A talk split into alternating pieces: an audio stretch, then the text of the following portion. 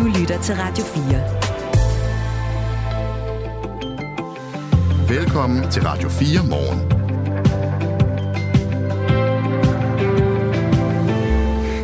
Sidste år, der var der rigtig mange af os, der var inde og downloade de her apps, hvor man kunne se, øh, hvor meget strømmen koster. Var du en af dem, Christina? Nej, for jeg har sådan en øh, fast pris, så for mig var det Nå. faktisk underordnet. Ja. Nå, jeg kigger på den øh, næsten lige så meget, som jeg kigger på Facebook, for at se, hvornår jeg skulle starte opvaskemaskinen osv. Det var en af de mest downloadede apps sidste år, altså de her øh, strømapps, øh, og øh, det er det altså ikke længere. Vi går ikke helt så meget op i det, men det kan være, at vi skal til det. Øh, om cirka 10 minutter, der taler vi med Philip Engberg Nielsen, han er manden bag øh, den app, der hedder Min Strøm. Og så skal vi også tale med Dorte fra Odense. Uha ja, hun stod i en rigtig ærgerlig situation sidste år, mens øh, strømmen var allerdyrest, og vi blev øh, virkelig slået i hovedet om, øh, at nu øh, skulle vi spare på strømmen. Der havde hun nemlig lige købt et spagbad. Jeg tror ikke, hun brugte det så meget sidste år, men jeg tror, det er kommet i brug. Det finder vi ud af, når vi snakker med Dorte også lidt senere. Så øh, skal vi kigge øh, nærmere på en øh, tale, som øh, i dag bliver udråbt som øh, årets danske tale. Ja, det ved vi jo, at den er allerede. Men i dag der får Aki Mathilda Høgh-Dam prisen for at have udført den her tale. Det grønlandske folketingsmedlem, der stillede sig på øh, talerstolen på Christiansborg og holdt en øh, tale på grønlandsk, hun skabte forandring med den tale, i og med, at det efterfølgende nu er blevet tilladt at øh, holde en tale på øh, grønlandsk og på øh, færøsk også. Jesper Truls Jensen er formand for øh, Danske Taler. Han øh, plejer at være benhård til at dissekere taler, og han øh, giver sit bud på, hvorfor han i grunden synes, at Aki Mathilda Høgh-Dam fortjener prisen, som hun modtager senere i dag. Din værter her til morgen, det er Christina Ankerhus og Michael Robach. Klokken den er næsten 7 minutter over syv, og vi begynder i Israel. Godmorgen. Godmorgen.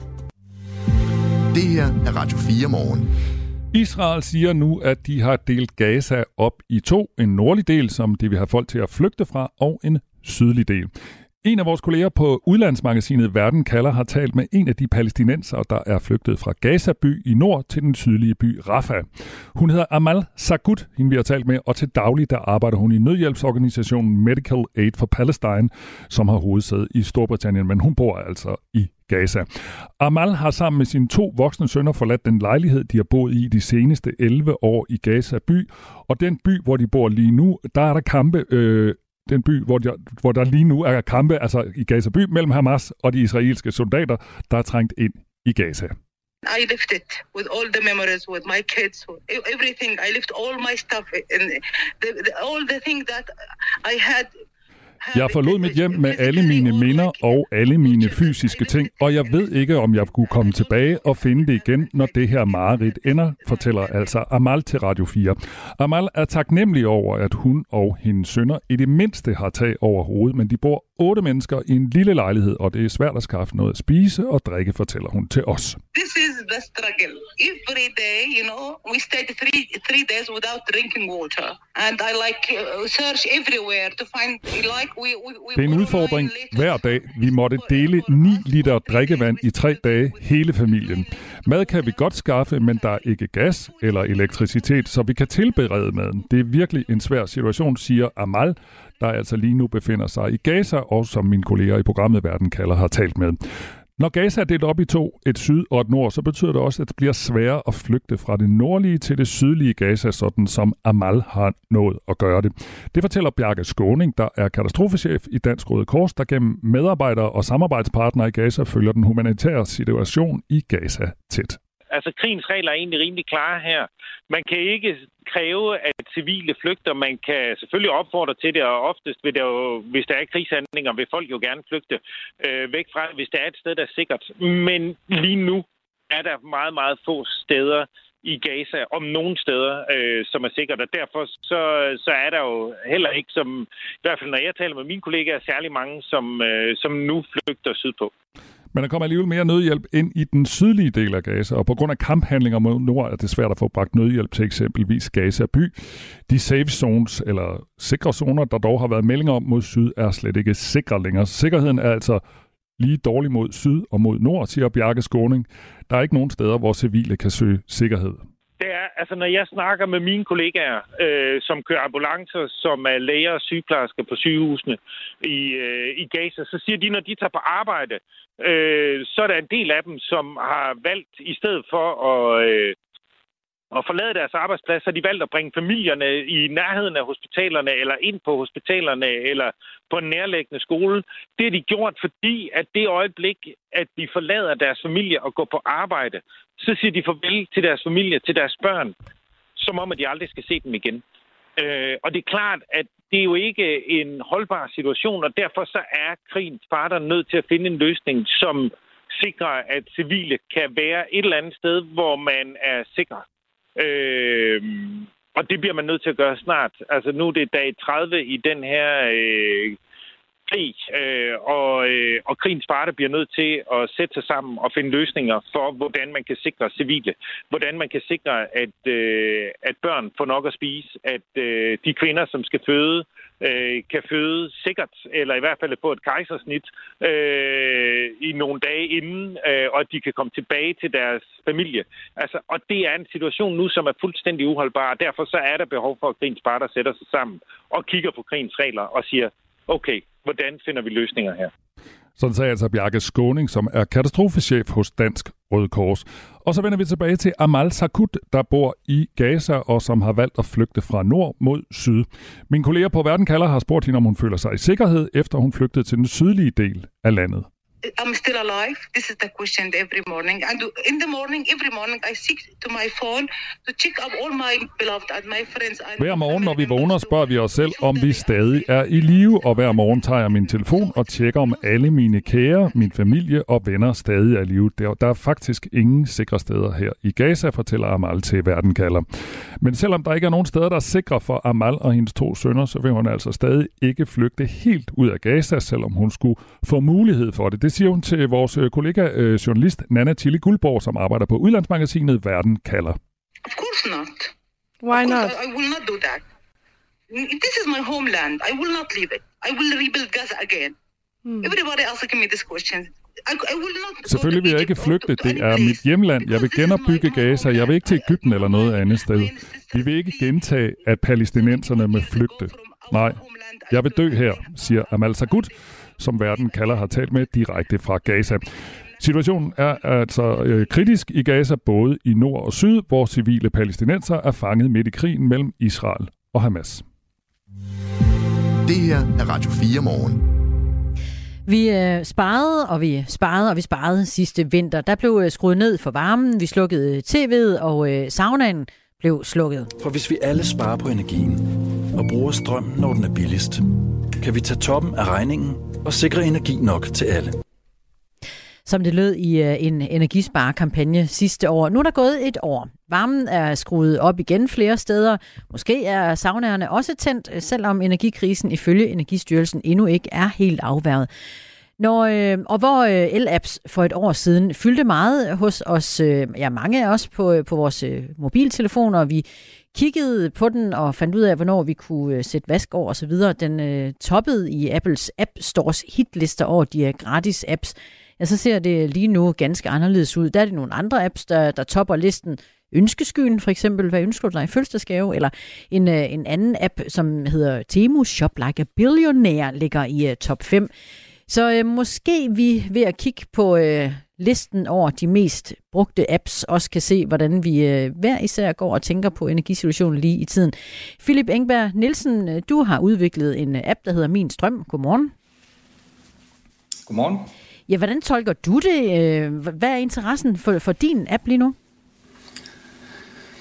Jamen altså, det er klart, at den er ikke lige så høj, som, den er, som det var sidste år, men vi skal også huske på, at App Store er mest et udtryk for folk, der henter nye apps, og ikke hvor meget de bruger apps. Øh, så, men altså, vi, vi, vi ser øh, selvfølgelig ikke det samme niveau som sidste år, men det er faktisk stigende igen efterhånden, som vi går ind i de koldere og dyre måneder nu. Kan man øh, se på din app, hvor mange der bruger den lige nu, for eksempel? Altså ikke lige nu nu, men i, i de her dage. Ja, det kan man sagtens.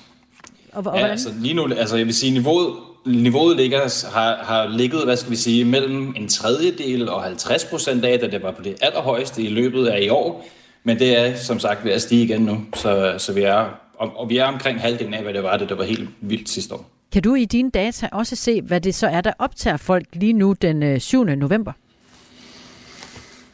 Ja, altså det er langt øh, største af det, det handler om at se elprisen. Øh, fordi her i forbindelse med, at vi går ind i de koldere måneder, så de fleste netselskaber rundt omkring i Danmark, de, øh, de skifter afgiftsmodeller øh, og afgiftspriser. Så, så dels bliver de mere variable over timerne i løbet af døgnet, og dels så, så, så stiger priserne også. Og derfor så er det mere afgørende, hvilke timer på døgnet man, der, man bruger sin strøm. Det er Philip Engberg Nielsen, der er med os, som har udviklet en app, der hedder Min Strøm. Og jeg synes lige, vi bør måske også nævne, Philip, at du, øh, du tjener jo en, en skilling på, når vi andre vi klikker os ind. Det er noget med reklamer, helt som man øh, plejer at gøre det i den her slags, øh, slags apps.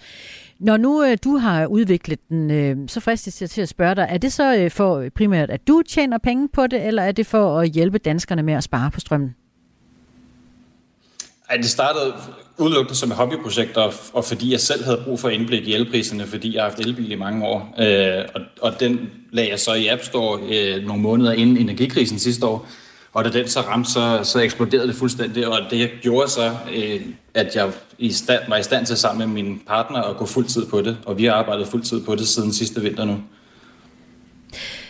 Hvordan hjælper din app os forbrugere med helt konkret at, øh, at finde ud af at spare på strømmen? Jamen altså, vi, vores øh, formål med det her, det er virkelig at hjælpe folk så meget som muligt om at få det gyldne overblik over alt, hvad der har med strøm at gøre. Øh, og, og der er ingen tvivl om, at, at ting, som ikke nødvendigvis kører på strøm i dag, de kommer sandsynligvis til at gøre det i fremtiden. Og også store ting. Øh, vi ser et kæmpe eksplosion i elbiler lige nu. Øh, og varmepumper er også noget, der, der brager fremad. Så, så det kommer til at have mere og mere betydning for den enkelte forbruger øh, at, at være i stand til at, at rykke sit forbrug til tidspunkter, hvor der er en lavere pris. Og priserne de svinger bare ekstremt meget fra dag til dag, fra time til time. Afgifterne ændrer sig hele tiden.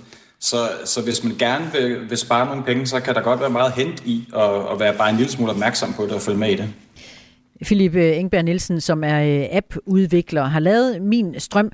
Og øh, om du er sådan en strømekspert, ja, det ved jeg jo i grunden ikke, men er der noget, der får dig til at tro, at vi som forbrugere er blevet øh, mere opmærksomme på, hvordan vi bruger vores strøm hensigtsmæssigt derhjemme, altså ved at du afkoder tallene på din app? Ja, det er der 100 procent. Altså Energinet øh, øh, i starten, altså de sidste år, der, der kom de med nogle tal for, hvordan vores forbrug havde set ud i 2022 versus 21. Og der kunne man tydeligt se, øh, dels havde vi brugt øh, øh, en lille smule mindre strøm, men det faktisk det mest centrale var, at vi havde rykket timerne, vi brugte strømmen for, væk fra de dyreste timer hen til de billigere timer. Så der er helt klart, har det haft øh, indvirkning på folks øh, øh, vaner fortæller øh, Philip Engberg Nielsen, som har udviklet appen, der hedder Min Strøm. Og, øh, og tak for det, og, og god sparsomlig øh, vintersæson til dig også. Tak, lige måde. Ja, tak. Og en af dem, der skulle tænke over sine forbrugsvaner sidste år, det er Dorte Hammershøj. Hun er værtshusejer i Odense også, og også helt almindelig forbruger. Godmorgen, Dorte. Godmorgen.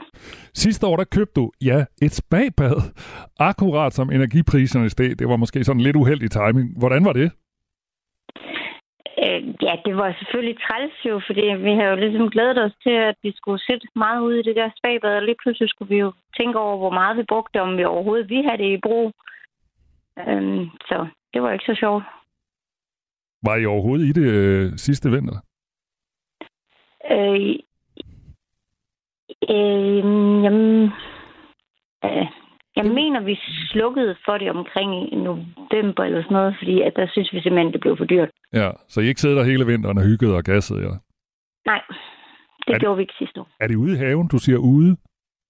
Ja, det er det. Mm. Hvad så nu? Altså, øh, nu er energipriserne ikke så høje og sådan noget. Er, sidder I ude og hygger i haven i jeres bagbad? Ja, det gør vi. Øhm, vi startede det op, jeg tror, det var sådan midt august, sidste august at vi startede det op, og så blev det brugt sådan et par gange om ugen i hvert fald. Og sidder I så derude, øh, Dorte, helt sådan med god samvittighed, skulle jeg til at sige, sådan i forhold til elpriser og den slags ting? Eller sidder man så og tænker, åh, det er godt nok dyrt at sidde her? Øhm, jeg synes, jeg sidder der med god samvittighed, øh, når jeg arbejder meget, og det er afslappende for musklerne at komme ud og sidde der lidt, så så det øh, tænkte jeg ikke så meget over. Mm. Lige før der talte vi med en af, de, øh, en af dem, som har lavet en af de her mange populære el-apps, altså der, hvor du kan gå ind og se, hvad strømpriserne er i dag. Er du en af de danskere, der bruger den her el-app til at holde styr på forbruget? Altså nu tænker jeg, når man har sådan en spabad, så er man vel interesseret i, hvor dyrt det er? Ja, øh, jeg bruger ikke lige den, han har, men jeg vil have nogle energisyn af dem. Øh, brugte jeg meget, da, det var, da de var meget stigende. Da de så faldt igen, så gik jeg lidt bort fra at følge så meget med, som jeg havde gjort. Men øh, nu hvor de varsler, at priserne vil stige igen, så vil jeg selvfølgelig begynde at følge lidt mere med igen. Vi blev jo øh, også øh, tudet fulde om, at vi skulle øh, spare på strømmen i løbet af vinteren sidste år. Dorte Hammershøj, da vi øh, lige spurgte dig lige før, om du øh, havde brugt spagbad hen over vinteren, så synes jeg, der var en lidt lang pause. Var det sådan, at din anden smuld var mørke, så gik du måske alligevel ud og dyppede dig? Nej, det er det ikke lidt. Altså, fordi enten så øh, slukker vi helt for det, eller så kører det egentlig hele tiden, for det er for dyrt at, at, at slukke og tænde. Så, mm. så det er en beslutning, vi skal tage. Øh, og der kan jeg bare ikke lige helt huske, hvornår vi slukkede for det sidste år på grund af de stigende priser. Øh, men det er da igen, de stigende priser vil være med til at overveje, om vi så er nødsaget til at slukke for det igen i år, fordi det bliver for dyrt. Men dårlig samvittighed over at sidde i det, hvis det er tændt. Mm. Det har jeg ikke. Men sidste år, der øh, appellerede myndighederne jo ret meget øh, til os, ikke bare for vores egen pengepunkts skyld, men sådan set også for øh, samfundets øh, fælles gode, at vi skulle spare på energien. Hvad betød mest for dig der sidste år? Var det øh, intentionen om, at vi skulle hjælpe samfundet, eller var det din, øh, din egen elregning? Det var min elregning. Og den ville, Det var det. Og den ville du tydeligvis have kunne mærke en, en forskel på, hvis du havde ladt øh, spagbadet stå tændt. Ja, det vil jeg. Helt klart. Hvad, hvad koster det i grunden, når det står der og brummer? Øhm, jamen altså, jeg tror, vi har regnet frem til, at hvis elpriserne er sådan nogenlunde stabile, så var det cirka 1000 kroner om måneden. Og det skal man bruge for at have det i gang. Øhm, Du kan ikke tænde og slukke det efter, øh, hvornår du har lyst til at hoppe i. Mm, Nej, fordi så hver gang du slukker for det, så daler temperaturen, så skal den først hen og varme det op igen. Det vil sige, at du skal beslutte dig et døgn før, hvornår du vil i. Øhm, så det er billigere at have det kørende hele tiden. Mm. Og når jeg spørger, det er rent opklarende. Der er en på sms'en, der mener, at øh, jeg lige nu udskammer dig. Det er ikke min intention. Føler du dig udskammet, Dorte? Nej, det gør jeg ikke. Det var godt. Det var ikke intentionen. Du er med, fordi vi gerne vil opklare, hvordan det egentlig er at være øh, elforbruger i et samfund, hvor elen er dyr, og at vi samtidig også bliver bedt om at øh, spare på den. Og du blev altså hårdt mærket af det sidste år, fordi du købte netop et spabad, som øh, vi øh, fik øh, at vide, at vi skulle spare på strømmen, og den blev også meget, meget dyrere. Glæder du dig til en, øh, en, en vintersæson, hvor du øh, hopper i i år? Jamen, det kommer så igen an på, hvis priserne stiger voldsomt, så overvejer jeg jo nok, at vi må slukke for det igen. Og hvis det sådan nogenlunde er som nu, så tænker jeg, at jeg kommer til at nyde at være i. Nu, snak, Især når frosten kommer ind, så er det rigtig dejligt. Dorte, øh, nu snakker vi rigtig meget om dit spabad. Hvad med sådan det øvrige elforbrug? Øh, hvor meget tænker du egentlig over det? Altså, jeg vil sige, sidste år, der tænkte vi jo meget over det. Vi stoppede med at tørre vores tøj i tørretumlerne. Øh, vi sørgede for at starte vaskemaskiner og- opvaskemaskinen, når, øh, altså, når priserne var lave. Øh, Vi begyndte at bruge airfryer en gang imellem, i stedet for at bruge ovn. Øh, Så der tænkte vi over det, men stadigvæk, jeg har et arbejde, hvor jeg er væk øh, 60 timer om ugen eller sådan noget, så nogle gange er jeg jo bare nødsaget til at gøre tingene, når jeg har fri. Tak skal du have, Dorte Hammershøj, øh, værtshusejer i Odense, men i den her anledning også spa, bag, bad ejer. god, god, god, god tur ned i Spanien. Jo, tak for det. Ja, hvis der bliver råd til det. I et øh, skriftligt citat til øh, Radio 4 Morgen, der fortæller Martin Hansen, der er vicedirektør i Energistyrelsen også, således, jeg citerer, vinterens forsyningsscenarie ser mere stabilt ud end sidste år på denne tid. Selvom gaslærerne er næsten fyldte, og vi fortsat ser besparelser på energiforbruget, kan kold vinter, stop for import af russisk gas eller et stigende forbrug af naturgas i Asien påvirke forsyningssituationen, og derfor er det øh, væsentligt, at vi både i Danmark og i resten af Europa sparer på energien. Det var altså et øh, citat fra Martin Hansen, der er vicedirektør i øh, Energistyrelsen. Klokken den er 7.24. Det her er Radio 4 morgen. Jeg fik lige brummet, den var 7.24. Det er den altså stadigvæk. Nu skal vi lige høre lidt musik. Hey, no vayas presumiendo por ahí, Det er noget spansk, du har Ja. fundet til os. Det er nemlig noget spansk. Jeg tænkte, når der nu er besøg af det spanske kongepar, så skal vi da selvfølgelig høre Julio Iglesias. Mm, det skal vi da. Og øh, kong Felipe og dronning Letizia er altså i Danmark i de her dage. Øh, og lad os lige tage en introduktion til de to. Han er 55 år og har siddet på tronen i 9 år, og Letizia er 51 år, altså dronningen, og hun er faktisk uddannet som journalist og har tidligere arbejdet ved det spanske tv-værk netværk TVE. Og i går der fik parret den fineste danske orden, elefantorden, og der var også tafel på Christiansborg Slot.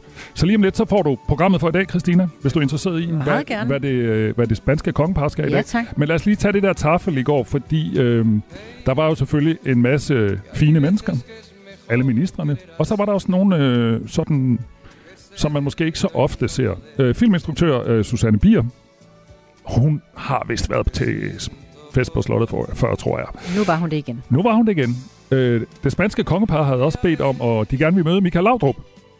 Ja, Han har jo spillet både i Barcelona og Madrid. så han var med. han var med øh, sammen med sin øh, frue, der hedder Siv.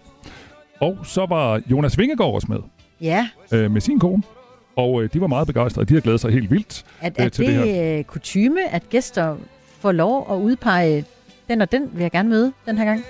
Det tror jeg. Altså, jeg tror jo, øh, når sådan det spanske kongepar kommer, så tror jeg da, at de øh, gerne vil møde nogle af dem, der måske har spillet en eller anden betydning i Spanien. Jeg ved faktisk ikke, om Vingegaard er et ønske fra det spanske kongepars side, eller om det bare er vores kongehus, der har sagt, ham her skal I altså også lige møde øh, vores helt store nationalhelt. Lad os kigge på, Christina, hvad der så sker i dag. Øh, jeg har lidt af programmet med her. Klokken 9.30. Åbning af konference. Kronprinsen altså vores egen, og kongen deltager i åbningen af en erhvervskonference på øh, noget, der hedder NH Collection Hotel i København med deltagelse af udenrigsminister Lars Løkke Rasmussen, den spanske udenrigsminister, øh, samt repræsentanter for danske og spanske virksomheder. Og så skal de kl. 11 til kranselægning på kastellet. Øh, det ved det her monument over faldene øh, i, øh, i, i de her krige, der har været, hvor Danmark har deltaget de senere år. Det er altså kl. 11. Og klokken halv 12, det går hurtigt. Der skal dronningen, kronprinsparet og kongeparet fra Spanien besøge Københavns Rådhus, hvor øh, overborgmester Sofie Hesterup Andersen byder velkommen. Og så skal de senere på øh, Københavns Universitet, og hvor de også skal møde øh, øh, forskellige forskere. Og så skal de se en bog. Det er lidt, det er lidt interessant. En bog, der hedder El Libro del, lo, de los Epitomes. Ja. Jeg, jeg tilstår, jeg taler ikke et ord spansk. Jeg er overbevist. Jeg kan sige to øl, tak. Øhm, bogen stammer fra 1500-tallet og indeholder en beskrivelse af omkring 2.000 bøger fra et bibliotek øh, tilhørende Hernando Colón, som var søn af Christopher Columbus. Og bogen forsvandt efter hans død i 1539. Men nu skal du høre, i 2018 der fandt man bogen blandt håndskrifter øh, på, øh, i en samling på Københavns Universitet. Og efter den her præsentation af den her bog, som så altså har været forsvundet i århundreder, øh, så får de øh, fremvist udvalgte genstande fra det kongelige bibliotek. Og senere så skal de besøge Rigshospitalet, og øh, der kommer også en erhvervsfrokost, og der er også møde med Folketingets formand, og så er der det, der hedder et returarrangement i aften på Glyptoteket i København. Og det Det er er altså... benhårdt at være kongelig. Sikkert er et program. Ja, Ja, hvad, skal de der? øh, der holder ligesom, der, der siger det spanske kongepar, altså med et returarrangement, der siger de tak øh, for det her, og så er det dem, der holder et arrangement for øh, blandt andet for øh, altså de danske kongelige. Så sådan øh, ser dagens program ud, hvis man øh, er interesseret i den slags, og øh, besøget her, det slutter altså i morgen. Det her er Radio 4 morgen. Jeg har en, øh, en lille øh, sjov historie fra øh, det amerikanske og, øh, og fra Kanada. Det er øh, de fugle, der begår sig der på de øh, kanter. De skal være mere øh, politisk korrekte. Det fortæller det amerikanske ornitologsamfund, skriver BBC. Og hvordan øh, gør man så en fugl øh, politisk øh, korrekt? Jo, det ja gør tak, man lad mig høre. Det gør man ved at ændre øh, fuglens navn. Man øh, ønsker simpelthen at fjerne alle dyrenavne eller fuglenavne på de kanter, som har, øh, som har sit navn efter noget, der med nutidens øjne kan anses for at være racistisk, eller øh, måske også øh, sexistisk. Altså hvis der er valgt for mange herrer, der har lagt navne oh, til fuglene, Okay. så lurer man ud i det. Nogle historiske navne, det kan være, jeg har nemlig et eksempel her, der er en fugl, der på de kanter hedder Wilsons Warbler. Det er den, der herhjemme hedder en øh, sortkronet sanger. Men ham der Wilson Warbler, så tænkte jeg, hvad har han dog gjort, siden at øh, en fugl ikke må hedde hans navn? Han har ikke øh, gjort andet, end at han er en mand. Han hedder Alexander Wilson, og det var ham, der øh, beskrev denne fugl første gang. Så, øhm, Skal den have nyt navn? den skal have nyt navn. Nå. Ja, og der er nedsat en øh, hel komité, der skal finde ud af, hvad skal de så hedde, de her øh, forskellige fugle. Det er en øh, sådan mellem 70 til 80 fugle i USA og Kanada, der skal have et nyt navn. Hvis de altså læner sig op af noget, der kan måske forbindes med racisme eller had og, øh, og fordomme over for, for kvinder. Det fungerer ikke i dag. Tak for den historie. Nu er klokken blevet halv otte. Nu er der nyheder på Radio 4. Israel vil tage det overordnede sikkerhedsansvar for Gaza efter konflikten, det siger Israels premierminister Benjamin Netanyahu i et interview med ABC News. Jeg tror, at Israel i en ubestemt periode vil få det overordnede sikkerhedsansvar, fordi vi har set, hvad der sker, når vi ikke har det sikkerhedsansvar, siger han i interviewet. Premierministeren var blevet spurgt om, hvem der skal regere Gaza, når kampene slutter. I samme interview afviser Netanyahu også, at en våbenhvile kan komme på tale, før alle israelske gisler er blevet frigivet af Hamas. Netanyahu afviser dog ikke, at der kan komme taktiske pauser, hvor mere nødhjælp kan komme ind i Gaza, og hvor civile kan evakuere. Ukraines præsident Volodymyr Zelensky mener ikke, at det er det rigtige tidspunkt at holde valg i Ukraine. Vi må beslutte os for, at tiden nu er til forsvar, krigens tid, som skæbnen for staten og folket hviler på, siger Zelensky i sin daglige videotale. Her nævner han også, at det vil være svært at afholde valg, fordi mange ukrainere er flygtet fra landet, og fordi mange soldater er ved frontlinjen. Samtidig udtrykte han frygt for, at valgsteder ville blive et perfekt mål for russiske drone- eller missilangreb. Alle valg i Ukraine er teknisk set aflyst på grund af den militære undtagelsestilstand, der blev indført i landet efter Ruslands invasion. Energikrisen er langt fra over, selvom den ikke er på samme niveau som sidste år. Derfor skal vi stadig huske at spare på energien, lyder det fra Energistyrelsen. Og der er grund til fortsat at forholde sig til energipriserne da de svinger og kommer til at svinge meget den her vinter. Og ifølge Anders Overvad, der er chefanalytiker ved Tænketanken Europa, så hjælper vi os selv og hinanden ved at holde energiforbruget nede. Jo mere gas vi har i lagerne, jo mere sikre vi er på forsyningssituationen, jo lavere vil gasprisen alt andet lige være. Og der var rigtig, rigtig mange, der fik ondt i økonomien det sidste år, fordi at de prisstigninger, vi stod, var fuldstændig exceptionelle. Så på den måde, der kan vi altså være med til at hjælpe hinanden igennem en, krig, en øh, vinter, hvor priserne forhåbentlig holder sig mest muligt i ro. Han understreger, at vi står langt bedre i år, end det var tilfældet sidste år. En stor del af energikrisen skyldes, at Rusland lukkede for sine leverancer af gas til Europa, efter de gik ind i Ukraine. Og det er stadig det, der er problemet for energipriserne. Fordi det er jo det, desværre er så kedeligt med russisk gas, det er, at selvom man godt på den korte bane kan finde nogle andre, der man kan købe det af, så er det lange seje træk til, at vi kommer helt ud af gasafhængighed. Altså noget, der kommer til at tage rigtig lang tid. Og derfor må vi altså også forlade os på, at det er altså nu, i hvert fald de næste par år, sådan at vi skal spare på energien hen over vinteren, for ellers risikerer vi altså en gentagelse af sidste år. Og så skal vi retur til krisen mellem Israel og Palæstina. Hamas oplyser nemlig, at gruppens bevæbnede fløj har affyret 16 raketter mod Israel fra Libanon. Det skriver nyhedsbyrået AFP. Den palæstinensiske gruppes væbnede fløj meddeler, at raketterne var rettet mod områder syd for den israelske kystby Haifa. De siger, at angrebene kommer som reaktion på besættelsens massakre og dens aggression mod vores folk i Gazastriben. Ifølge AFP rapporterer den israelske her i mellemtiden, at omkring 30 projektiler er blevet affyret mod det nordlige Israel fra Libanon. Israel har svaret på angrebene med artilleriild. Angrebene sker efter, at Sundhedsministeriet i den Hamas-kontrollerede Gazastribe tidligt i går meddelte, at antallet af dræbte i Gazastriben havde oversteget 10.000 personer. Og så til en vejrudsigt. I dag får vi lidt sol og spredte byer, som kan være med torden over de sydvestlige egne af landet. Temperaturer mellem 7 og 11 grader, og vinden den bliver let til frisk fra syd og sydvest, ved kysterne op til hård vind. Det var nyhederne på Radio 4 med Asbjørn Møller. Det her er Radio 4 morgen. Husk, at du kan sende os en sms på 1424. Lige nu er klokken 4 minutter over halv 8, men lidt senere i dag bliver der uddelt en pris til en helt særlig taler. Årets danske tale uddeles nemlig hvert år til en dansker, der i løbet af året har holdt en tale, der har gjort indtryk i den offentlige debat. Og i år er det øh, den grønlandske folketingsmedlem Aki Mathilda Høgh Dam fra partiet Siumut, der får prisen for øh, sin tale, der øh, lød sådan her tilbage i maj. Rigsfællesskabsdebat. Og Rigsfællesskabet er mange år.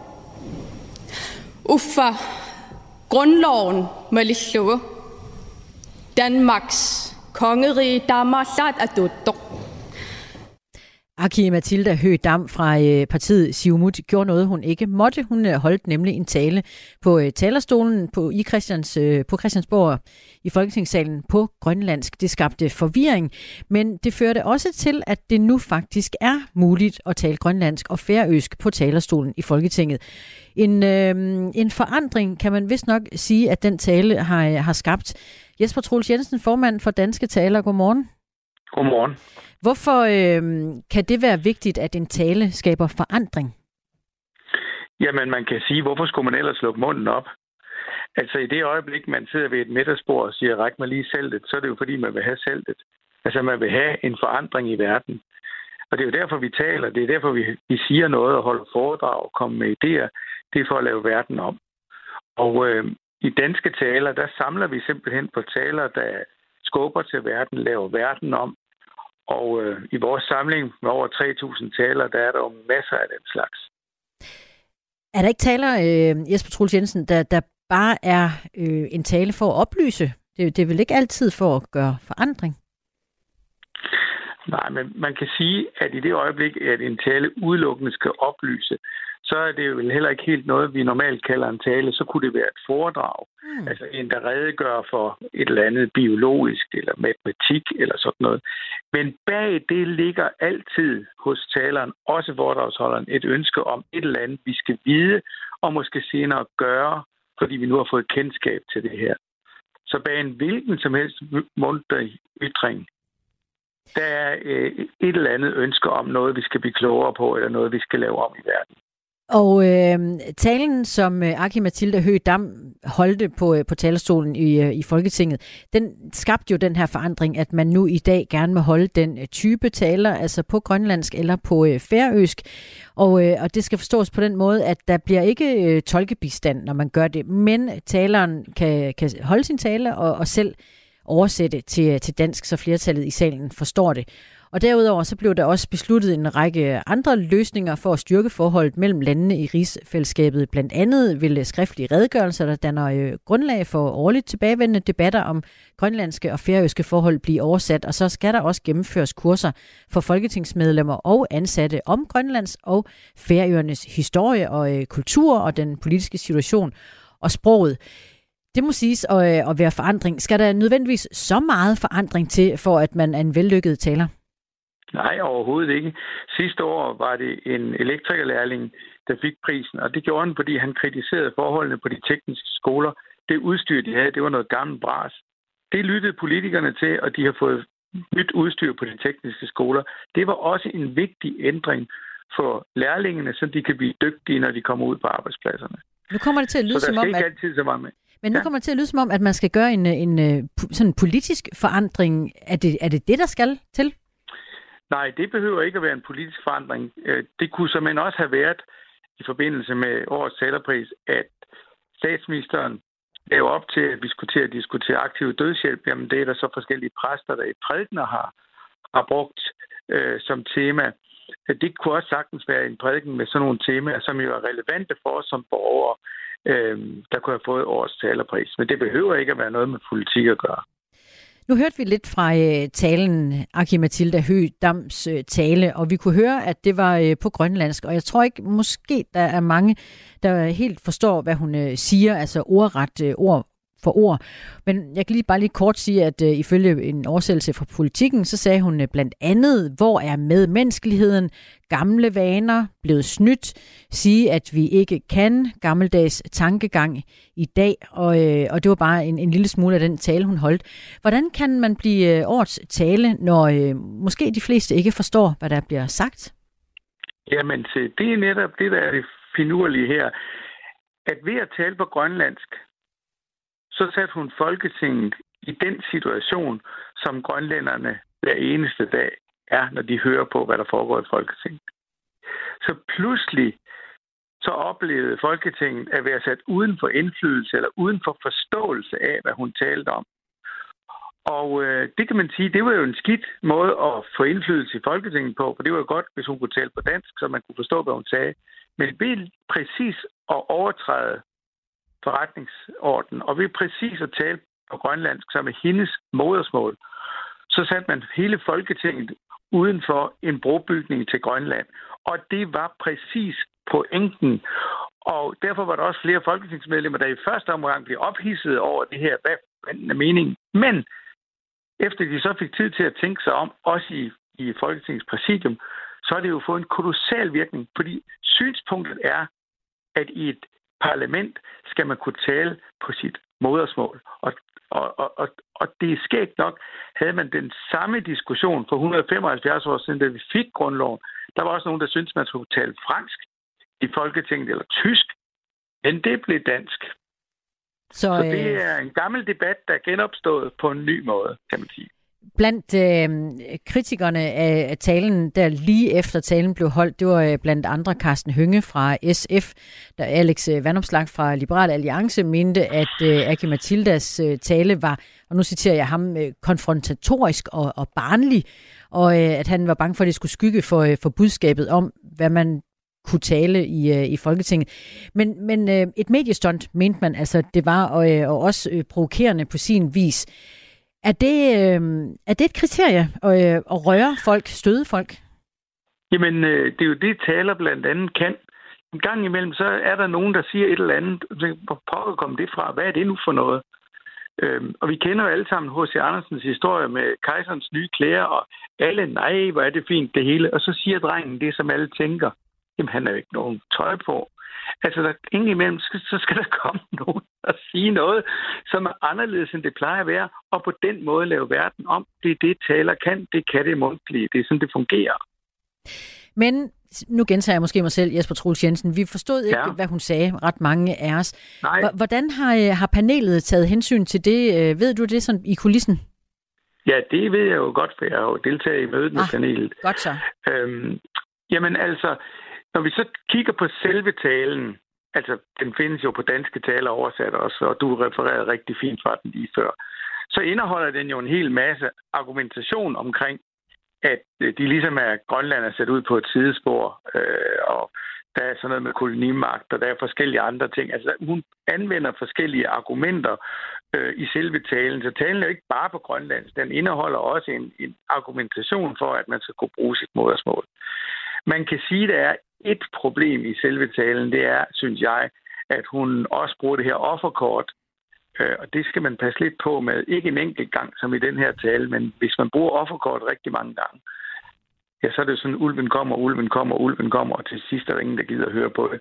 Men ved at lave det på grønlandsk, så blev fanen rejst så højt op, så alle opdagede det. Jesper øh, er uenig med dig på øh, sms'en og skriver, at en øh, kritisk og provokerende tale gør den ikke nødvendigvis god. Men er det det, du siger? Nej, det er det da ikke. Jeg siger da ikke, at, den, at hver kritisk tale er god. Altså, vi gav jo for nogle år siden statsministeren talen for godt Godhavns talen undskyldningen der. Det var jo en fremragende, brilliant tale hele vejen igennem. Den var jo ikke provokerende. Det, er slet ikke, det handler ikke om at provokere. Det handler om at se, at taler kan lave verden om. Og en gang imellem argumenterer man på den ene måde, og en gang imellem argumenterer på en anden måde. Men det fjerner ikke det, at den her tale, den ændrede den måde, øh, Folketinget fungerer på. Troels, øh, Jesper Troels Jensen, øh, formand for Danske Taler. Tak fordi du var med os. Ja, selv tak. Vi har også forsøgt at få en reaktion fra hovedpersonen selv, Aki Mathilda Høgh Dam, men hun har ikke nogen kommentar til, at hun senere i dag modtager prisen for sin tale. Og så øh, nævnte Jesper Troels lige et par af dem, der har fået prisen de senere år. For eksempel Mathias Ulebjerg Vindhold, der øh, vandt sidste år ved, at han har holdt en tale ved demonstrationen mod uddannelsessnopperi. Og så øh, nævnte øh, Troels Jesper også prisen til Mette Frederiksen for hendes undskyldningstale til Gudhavnsdrengene. Det var i 2019. Og så lad os bare tage den her med os, der har øh, sat sine spor, nemlig i 2020. Der fik Sofie Linde prisen for den tale, hun holdt til Zulu Comedy Gala, kendt som øh, startskud til øh, anden bølge af MeToo i Danmark. Du lytter til Radio 4. Måske fordi du altid holder den mulighed åben, at det også kan være dig, der tager fejl. Radio 4. Ikke så forudsigeligt. Israelske flag skal pryde alle offentlige bygninger i dag den 7. november. Det forslag kom Dansk Folkeparti med i sidste uge. I dag er det nemlig en måned siden Hamas angreb ind i Israel, hvor 1400 blev myrdet og mere end 200 blev taget som gisler. Terrorangrebet blev som bekendt startskud til den eskalerende konflikt mellem Israel og Hamas. Her på Radio 4 har vi kigget nærmere på, om Dansk Folkepartis forslag er blevet fuldt. Men det ser ud til, at ikke en eneste kommune har fulgt opfordringen. Anders Vistisen er udenrigsordfører for Dansk Folkeparti og medlem af Europaparlamentet. Godmorgen. Godmorgen. Hvad er dit bud på, at der ikke er en eneste kommune, der har synes det var en god idé, det I foreslog? Jo, men altså, jeg tror, det bunder i en, uh, i en frygt for, hvad for en uh, reaktion det kunne afstedkomme, og så en berøringsangst over for uh, den her konflikt i Mellemøsten, hvor der er store følelser uh, på spil. Altså, vi har jo kunne se uh, terrorangreb på europæisk jord efterfølgende som direkte konsekvens af Hamas' opfordring, så vi kan jo se mange danske jøder, uh, der beskriver hadforbrydelser af, hvordan de lever i frygt. Så jeg tror, at der er mange, der er bekvemmelighed vælger at, uh, at flage under sådan et neutralitetsflag i dag. Hvad er det for et neutralitetsflag? Nå, altså ved ikke at markere okay, okay. Øh, et, af de, et af de værste uh, terrorangreb i, i nyere historie, både i forhold til, hvor bestialsk, bestialsk det var, og i forhold til num, øh, antallet af omkomne. Hvad var tanken egentlig bag, at I tænkte, at kommunerne skulle øh, flage med det israelske flag i dag? Nå, men det var en bredere opfordring til, at det offentlige Danmark, altså vi har også bedt Folketinget om det, og vi har jo bedt øh, øh, øh, statslige institutioner om at gøre det samme. Jamen tanken bag det var jo, at man ligesom for eksempel i forbindelse med Ukrainekrigen øh, markerer, at øh, der er sket et angreb på et allieret land, og at, øh, at vi jo gerne vil støtte op om israelernes kamp øh, mod terrorisme, men jo også støtte op om de mange jøder, der lever i frygt i Danmark. I dag, øh, meget, meget mere voldsomt i dag end for en måned siden, selvom det allerede på det tidspunkt var en, en stigning i antisemitiske angreb i, i Danmark. Nu siger du, at I opfordrer andre end kommunerne. Er der overhovedet nogen steder, øh, som du kender til, som i dag, altså er officielle steder, eller offentlige øh, bygninger eller lignende, øh, flager med de israelske flag? Nej, altså vi har fået et nej øh, fra Folketingets præsidie, og vi har jo også øh, vi har heller ikke øh, set, at det er blevet fuldt op af justitsministeren i forhold. Det er jo ham, der laver flagreglerne for statslige, statslige institutioner, og de har også takket nej. Så, så nej, der er jo ikke nogen, der har ønsket at give den her markering, og det finder vi da beskæmmende. Mm.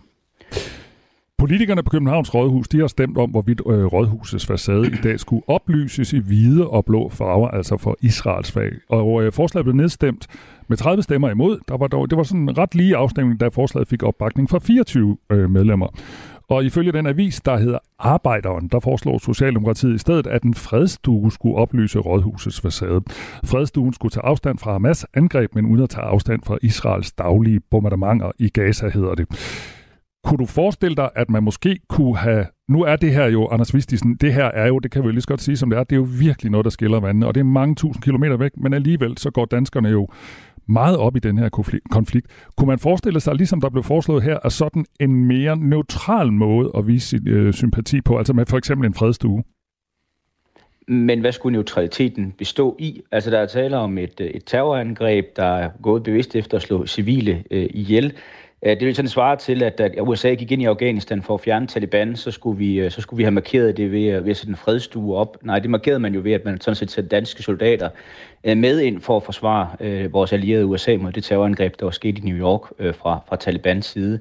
Så vi taler jo om en organisation, der ønsker at udslette Israel, så det er jo svært at, øh, at finde sådan en middelgrund i forhold til, hvor man skal, øh, skal stå. Sådan er det i hvert fald i Dansk Folkeparti's optik.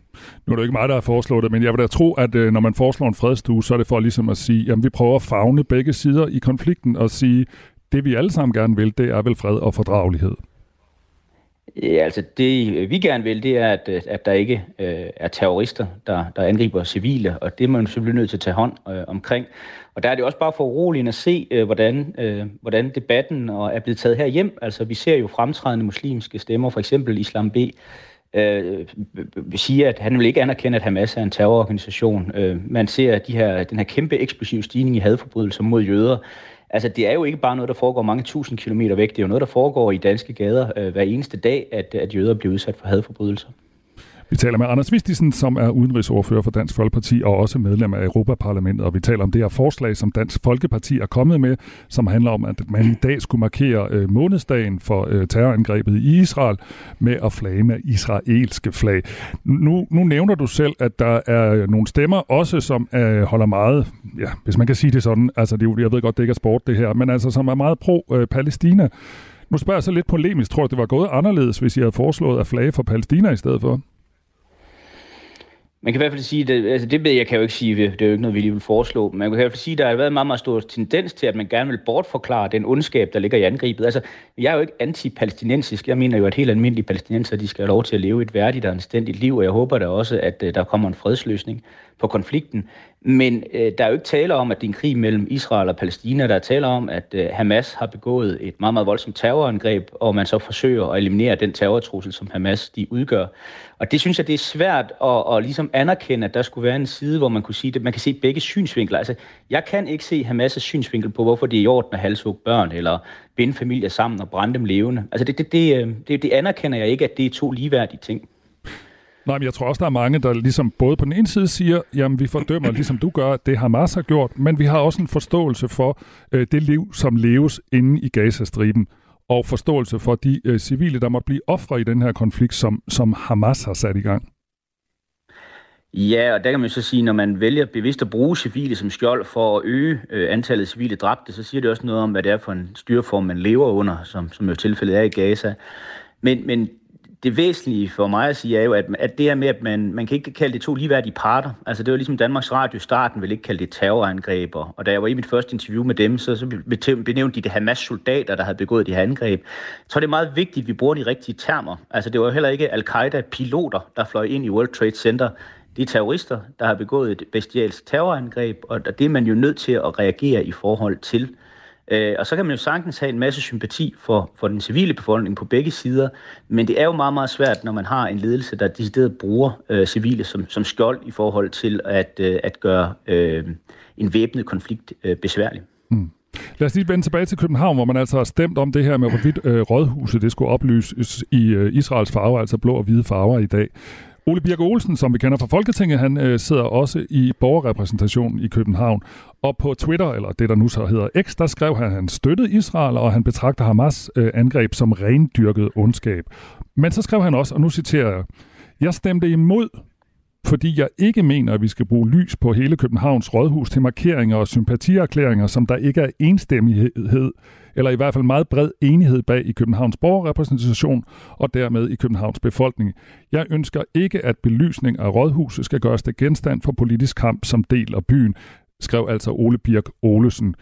Kan ikke have en pointe i, at, øh, at den her konflikt er der meget, meget delte mening om, så det kan være svært at lave den her slags markeringer, hvor, hvor den måske, nu kan jeg jo ikke tale det, men altså hvor der er meget stærke holdninger på begge sider. Mm, jamen så hvorfor øh, accepterede man så at lyse den op i de ukrainske farver? Altså øh, det har man jo lige gjort for, øh, for relativt nylig, altså sidste år, hvor, hvor invasionen den begyndte, og det gjorde man jo i en længere periode, flere med ukrainske flag stadigvæk. Det er jo fordi, vi, vi viser sympati for, hvem der er vores allierede, og hvem der har vores sympati i en konflikt. Og det, det handler jo ikke om Israel-Palæstina-konflikten i et historisk løs, der går tilbage til første Mosebog. Det, det handler om et angreb, der har kostet 1400 civile livet. Og jeg vil bare sige, hvis det havde sket et hvilket som helst andet sted på kloden ved en allieret nation, så havde der været en større offentlig støtte til kendegivelse. Det er i hvert fald min klare øh, opfattelse, også når vi har set, hvordan Danmark for eksempel har reageret, når, når Frankrig har været udsat for angreb, når Storbritannien og Spanien og alle mulige lande har været udsat for islamistiske terrorangreb, så har der været en mere øh, øh fast reaktion fra det officielle Danmark i forhold til støtte. Den, den der er jo udblevet her, og det er jo fordi, der er nogen, der, der frygter konsekvenserne, altså frygter, hvad er det for en reaktion, det sætter i gang hos, hos øh, visse dele af befolkningen, der måske øh, er på den yderste venstrefløj, eller en del af den radikaliserede øh, islamisme i Danmark. Nu nævnte du det med Ukraine. Altså, jeg sidder ikke lige med en frisk meningsmåling, men jeg tror, når man har markeret det i Ukraine, så er det fordi, at der er sådan i hvert fald en fornemmelse af, at lige præcis i den krig, der holder de fleste danskere, altså har, eller har sympati mere for Ukraine end for russerne.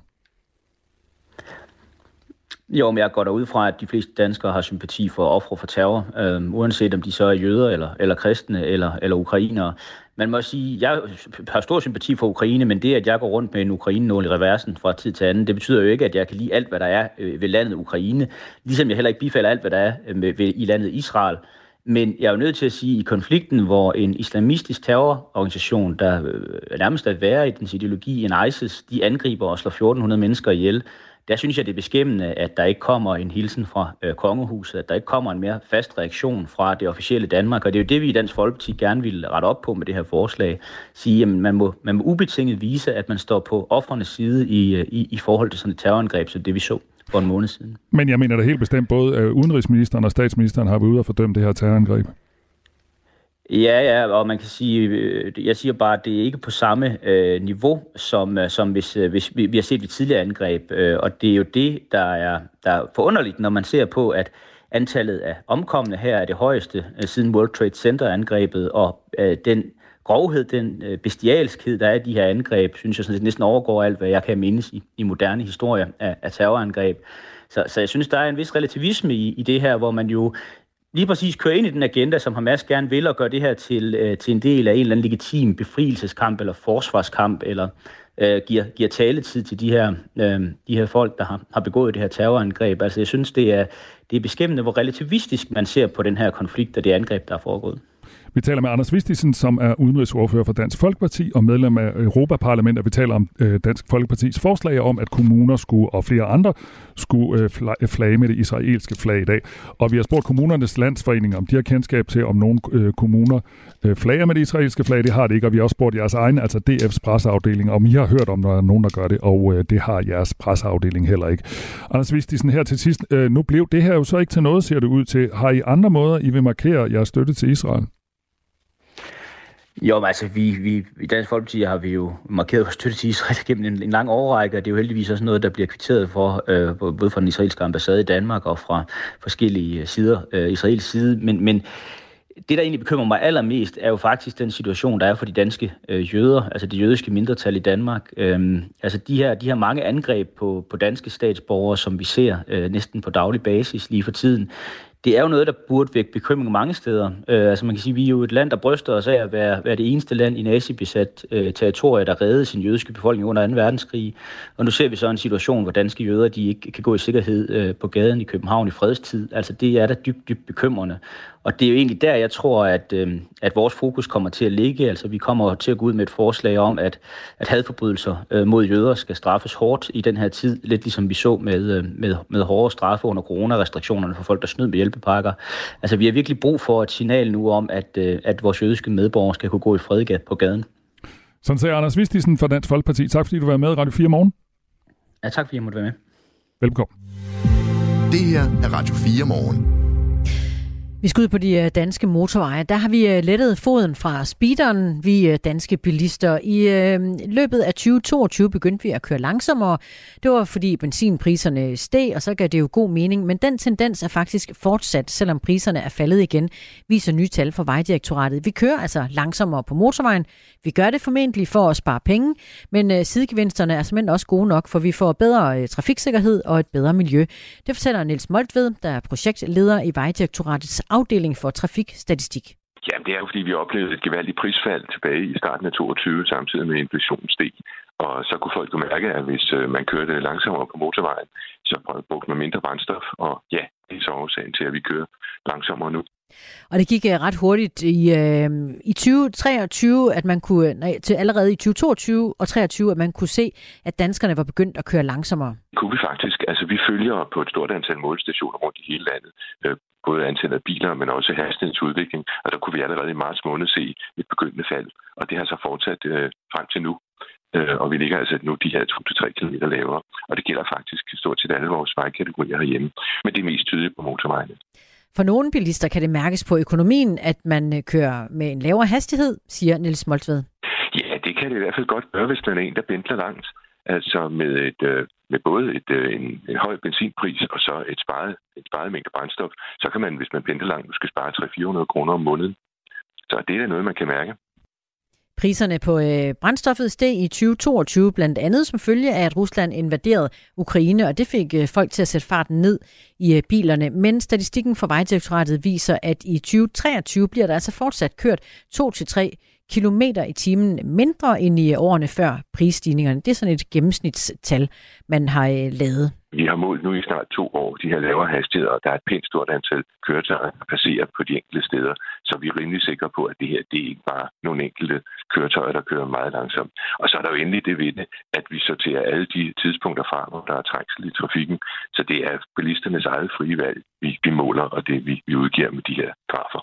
Og den lavere hastighed er godt nyt for trafiksikkerheden, fortæller Nils Moltved. Det øger trafiksikkerheden. Der er en klar sammenhæng mellem den hastighed, vi kører med, og det antal ulykker, og især alvorligheden af de ulykker, der sker. Så det er glædeligt, når vi kører langsommere. Det fortæller projektlederen i Vejdirektoratets afdeling for trafikstatistik, Nils Voltved hedder han.